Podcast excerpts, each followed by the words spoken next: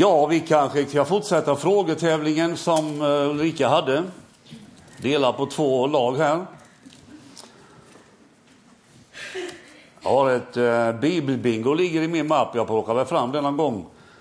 Eh, där det står en massa i rutorna, en massa, ja, eh, psalm 23 och 1 och, och Filipperbrevet 2 och 5 och så vidare. Och eh, så tänker jag att jag läser en bibelvers och eh, till exempel att Jesus säger jag är vägen, sanningen och livet. Och vad står det? Står det i Johannes 1 och 12 eller står det i Johannes 3 och 16 eller står det i Johannes 14 och 6 eller står det i psalm 23? Har du sätta ett kryss där? Ja, vad står det? Johannes 14 och 6. Den sidan vann med 1-0. Ja.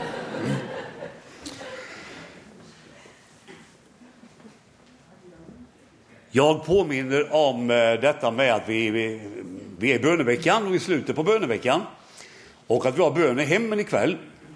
Så inte du missar det du och, och, eh, eh, utan tänker på det här med psalmbok, att du behöver det hemma ikväll på den eh, lilla samlingen i hemmet. Så inte du tänker det när du kommer hem att, eh, eller sitter hemma ikväll. Då glömde vi psalmboken. Så har du inte det hemma så ta med dig en hem idag och låna hem den. Nu ska vi läsa från Filipperbrevet, en av dagens texter. Eh, det andra kapitlet, det är sidan 844. Sidan 844, och vi står upp och lyssnar. Och så var det ju så här att jag berättade att vi var i Uppsala på gudstjänst. Eh, det berättade jag förra söndagen. Och eh, så sa det att i den gudstjänsten när man hade slutat textläsningen så sa man, och det gör man ju i Svenska kyrkan med, så sa man så lyder Herrens ord, säger den som läser texten. Och då svarade församlingen Amen. Och det var så gott liksom, tyckte jag. Och det är bra när församlingen är med i gudstjänsten va? och deltar. Så då tänkte jag, nu testar vi det då. Och amen, det betyder ju ja, ja. Så ska det ske. Det betyder att vi stryker under texten. Ja, ja, det är sant liksom. Är ni med? Nu läser vi texten först. Andra kapitlet, vers 5. Låt det sinnelag råda hos er som också fanns hos Kristus Jesus. Han ägde Guds gestalt men vakade inte över sin jämlikhet med Gud utan avstod från allt och antog en tjänares gestalt och han blev som en av oss. När han till det yttre hade blivit människa gjorde han sig ödmjuk och var lydig ända till döden, döden på ett kors. Därför har Gud upphöjt honom över allt annat och gett honom det namn som står över alla andra namn, för att alla knän ska böjas för Jesu namn i himlen, på jorden och under jorden, och alla tungor bekänna att Jesus Kristus är Herre, Gud Fadern till ära. Så lyder Herrens ord. Amen. Varsågoda och sitt. Lägg ett snöre där nu Eh, i Filipperbrevet. Vill du bläddra i Bibeln ska vi göra det lite. Så lägg ett snöre där för vi kommer ju tillbaka dit. Va? Eh, det är palmsöndag idag. Och Jesus rider in i Jerusalem. Han hyllas som kung. Eh, men han kommer på ett annorlunda sätt mot vad kungar brukar göra. Den tidens kejsare kom med makt och styrka i vagnar dragna av fina hästar. Det var prakt runt det hela. Men när Jesus rider in i Jerusalem som kung, då är det ingen häst utan det är en åsna som bär honom. Och då säger hela den bilden att Jesus är en annorlunda härskare som, står, som liksom kommer från ett annat håll, står för ödmjukhet och fred och tjänande. När Jesus kommer till Jerusalem den här palmsöndagen så är det inte bara glädje. Lukas berättar i sitt evangelium att Jesus gråter. Han gråter för att invånarna i Jerusalem inte har förstått vad det är som ger dem fred. Så glädjen och hurraropen är blandat med smärta. Och hos Jesus fanns också säkert det här med korsets smärta. För han visste att detta att rida in i Jerusalem, det handlade om korsvägen. För fem dagar senare skulle han ge sitt liv för oss på korset. Så har vi läst centrala versar då ifrån Filipperbrevet 2. Eh, och eh, de här verserna handlar ju om korsvägen för Jesus och hur den vägen neråt så småningom leder till upphöjelse. Man förmodar att de här verserna har varit en hymn som användes i gudstjänsten av de första kristna. Eh, och de här verserna är en sammanfattning av det urkristna budskapet som den eh, tidiga församlingen bekände då att, till Jesus Kristus. Då. Jag hade satt temat Korsvägen då, och då har jag några punkter under det. För det första, korsvägen börjar i evigheten. Ifrån Romarbrevet 8 och 28 läser vi. Vi vet att Gud på allt sätt hjälper dem som älskar honom att nå det goda. Dem som han har kallat efter sin plan. Här står det att Gud har en plan. Han har hela tiden haft en plan för hur han ska få människorna tillbaka till sig. Hur han skulle kunna ställa allt till rätta. Och han såg att vi inte själva kunde klara ut detta, så därför går han själv in och gör en plan och han förverkligar och genomför den planen. Vi är alltså inte lämnade åt vårt öde, utan Gud har en plan för att rädda oss och den planen handlar om korsvägen. Vi går till Efesierbrevet 1, vers 3 och 4. Tänk du fortfarande på evigheten. Välsignad är vår Herre Jesu Kristi Gud och Fader. Han har välsignat oss med all den andliga välsignelse som genom Kristus finns i himlen. Liksom han före världens skapelse har utvalt oss i honom till att stå heliga och fläckfria inför sig i kärlek. Här är det alltså väldigt tydligt att Gud har tänkt frälsning för oss Titta i versen där. Före världens skapelse.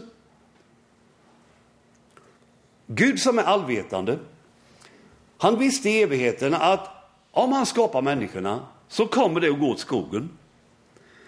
Men redan innan skapelsen har han beslutat sig för att sända Jesus. Innan skapelsen har Jesus sagt ja till korsvägen. Vi är utvalda att bli Guds barn innan skapelsen.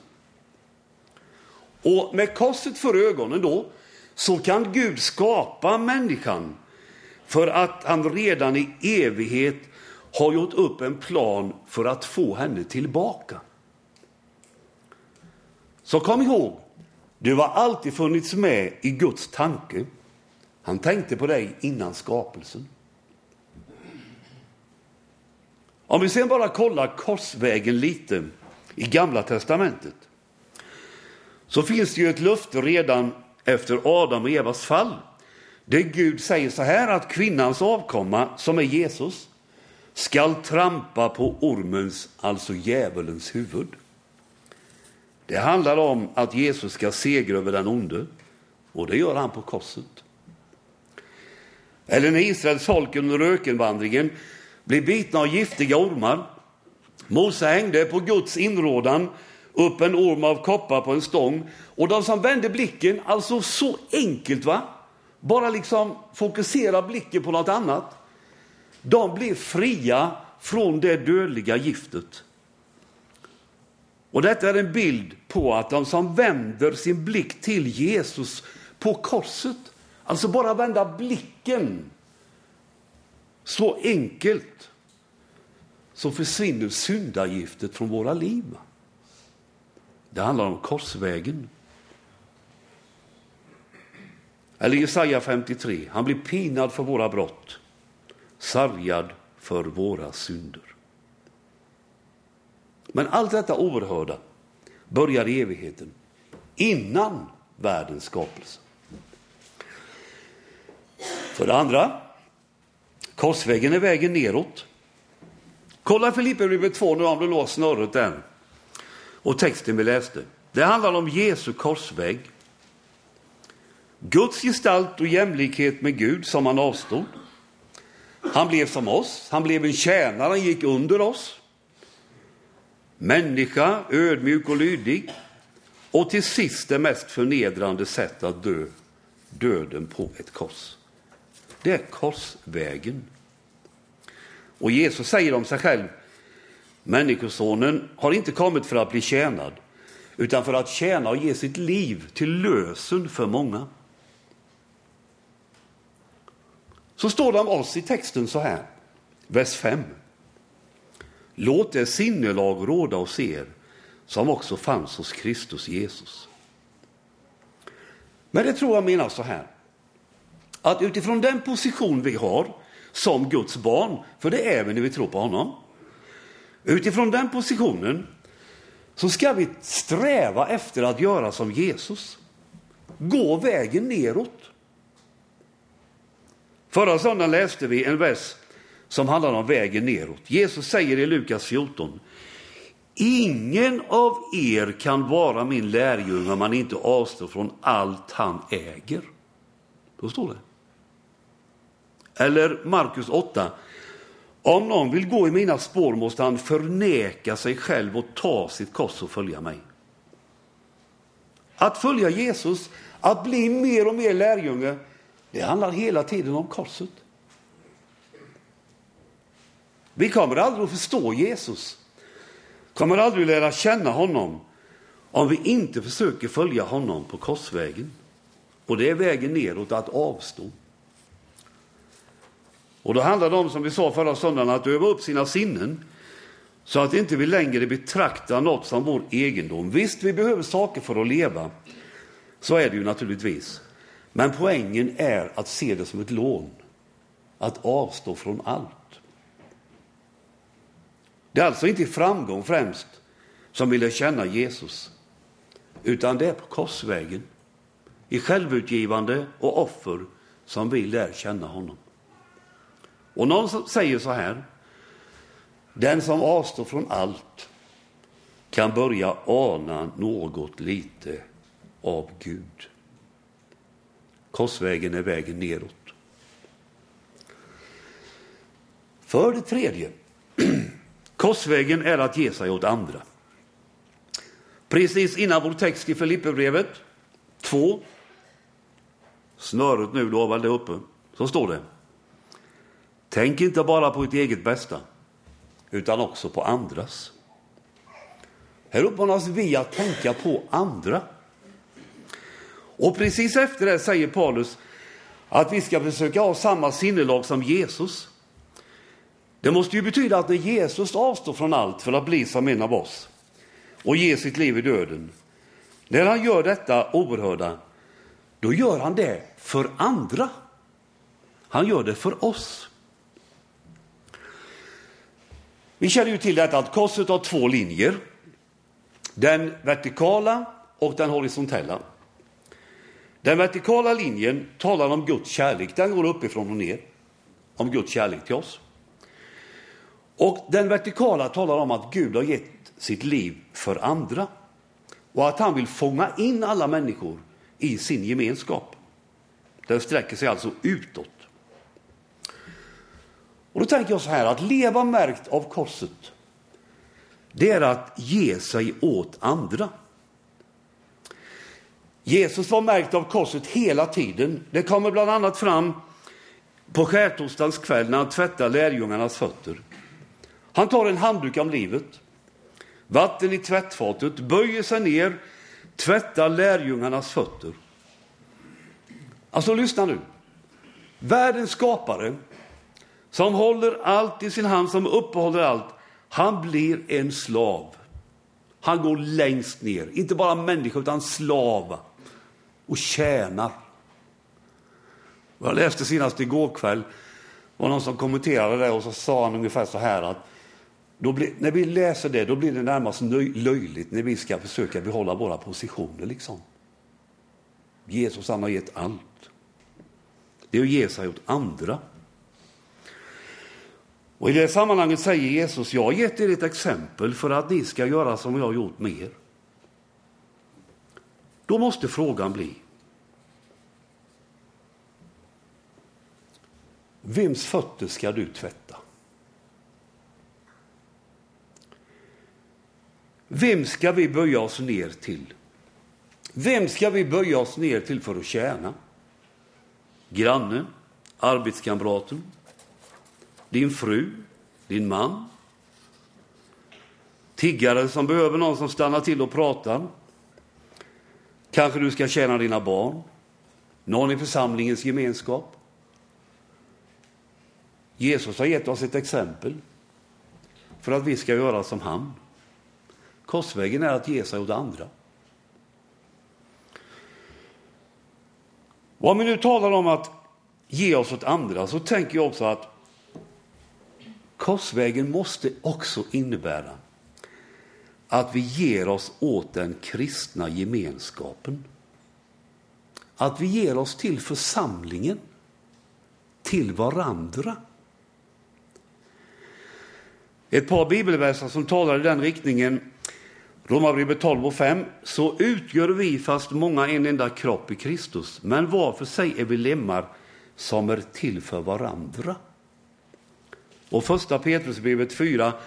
Tjäna varandra, var och en med den nådegåva han har fått. Till för varandra och tjäna varandra. Om det ska fungera behöver vi ge oss åt varandra. Att gå med i församlingen, att få sitt namn i matrikeln, det är en sak och viktiga ordningsfrågor naturligtvis. Men den stora frågan är, har du gett dig själv åt gemenskapen? Och har jag gett mig själv åt gemenskapen? Med våra gåvor, vårt engagemang, med våra brister, med vår smärta, med vår glädje, med vårt allt. Madde Alsäter, när hon var här på skattengudstjänsten, så talade hon om att vi kan saker, vi är bra på olika saker, att vi har gåvor att bidra med till gemenskapen. Och så sa hon så här ungefär, att om jag håller inne min gåva och mitt bidrag och inte ger det vidare, så missar ju gemenskapen allt detta.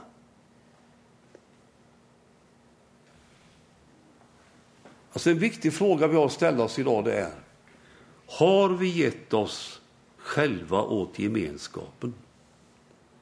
Annars är det dags att göra det, fullt ut. Korsvägen är att ge sig åt andra och det är att ge sig åt gemenskapen. Också en fjärde punkt. Korsvägen är segervägen. Jesus rider in i Jerusalem på palmsöndag. Stilla veckan börjar. Strax efter intåget säger han så här. Stunden har kommit då Människosonen skall förhärligas. Då är frågan, vad talar Jesus om här? Om sin uppståndelse? Om himmelsfärden? Det kanske finns med, men framför allt talar han om sin död på korset. Det är framför allt där som Jesus visar sin härlighet och får sin härlighet. Det är på korset som Guds kärlek framför allt visar sig i all sin glans. Jesus säger på ett ställe, den som har sett mig har sett Fadern. Ja, det handlar om korset och se Guds kärlek. Så älskade Gud världen. På korset förhärligas han. Och ska vi se hans härlighet så behöver vi komma dit. Om vi återvänder till vår utgångstext Filipperbrevet 2 så läste vi ju där att därför att Jesus gav sig så helt så har Gud upphöjt honom över allt annat. Och att alla tungor ska bekänna att Jesus Kristus är Herre. Alltså tydligare kan det inte sägas att korsvägen är segervägen. Och det är segervägen också för oss. Och då tänker jag först och främst på på den korsväg som Jesus gick och att han gick den för våran skull. Om Gud skulle kunna stå fast vid sin rättfärdighet så krävde det att det onda måste få konsekvenser och då måste han själv gå in och bära de konsekvenserna i vårt ställe. Och det bär han fullt ut. Inget behöver göras mer. Vi kan vara fullkomligt trygga i det. Och det Jesus har gjort får vi räkna som vårt.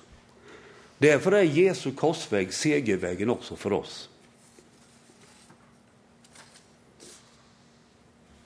En del människor gör korstecken. Ja, det är bra. Och du får gärna göra det i vår kyrka också. Att teckna sig med korset uppifrån och ner och ifrån skuldra till skuldra.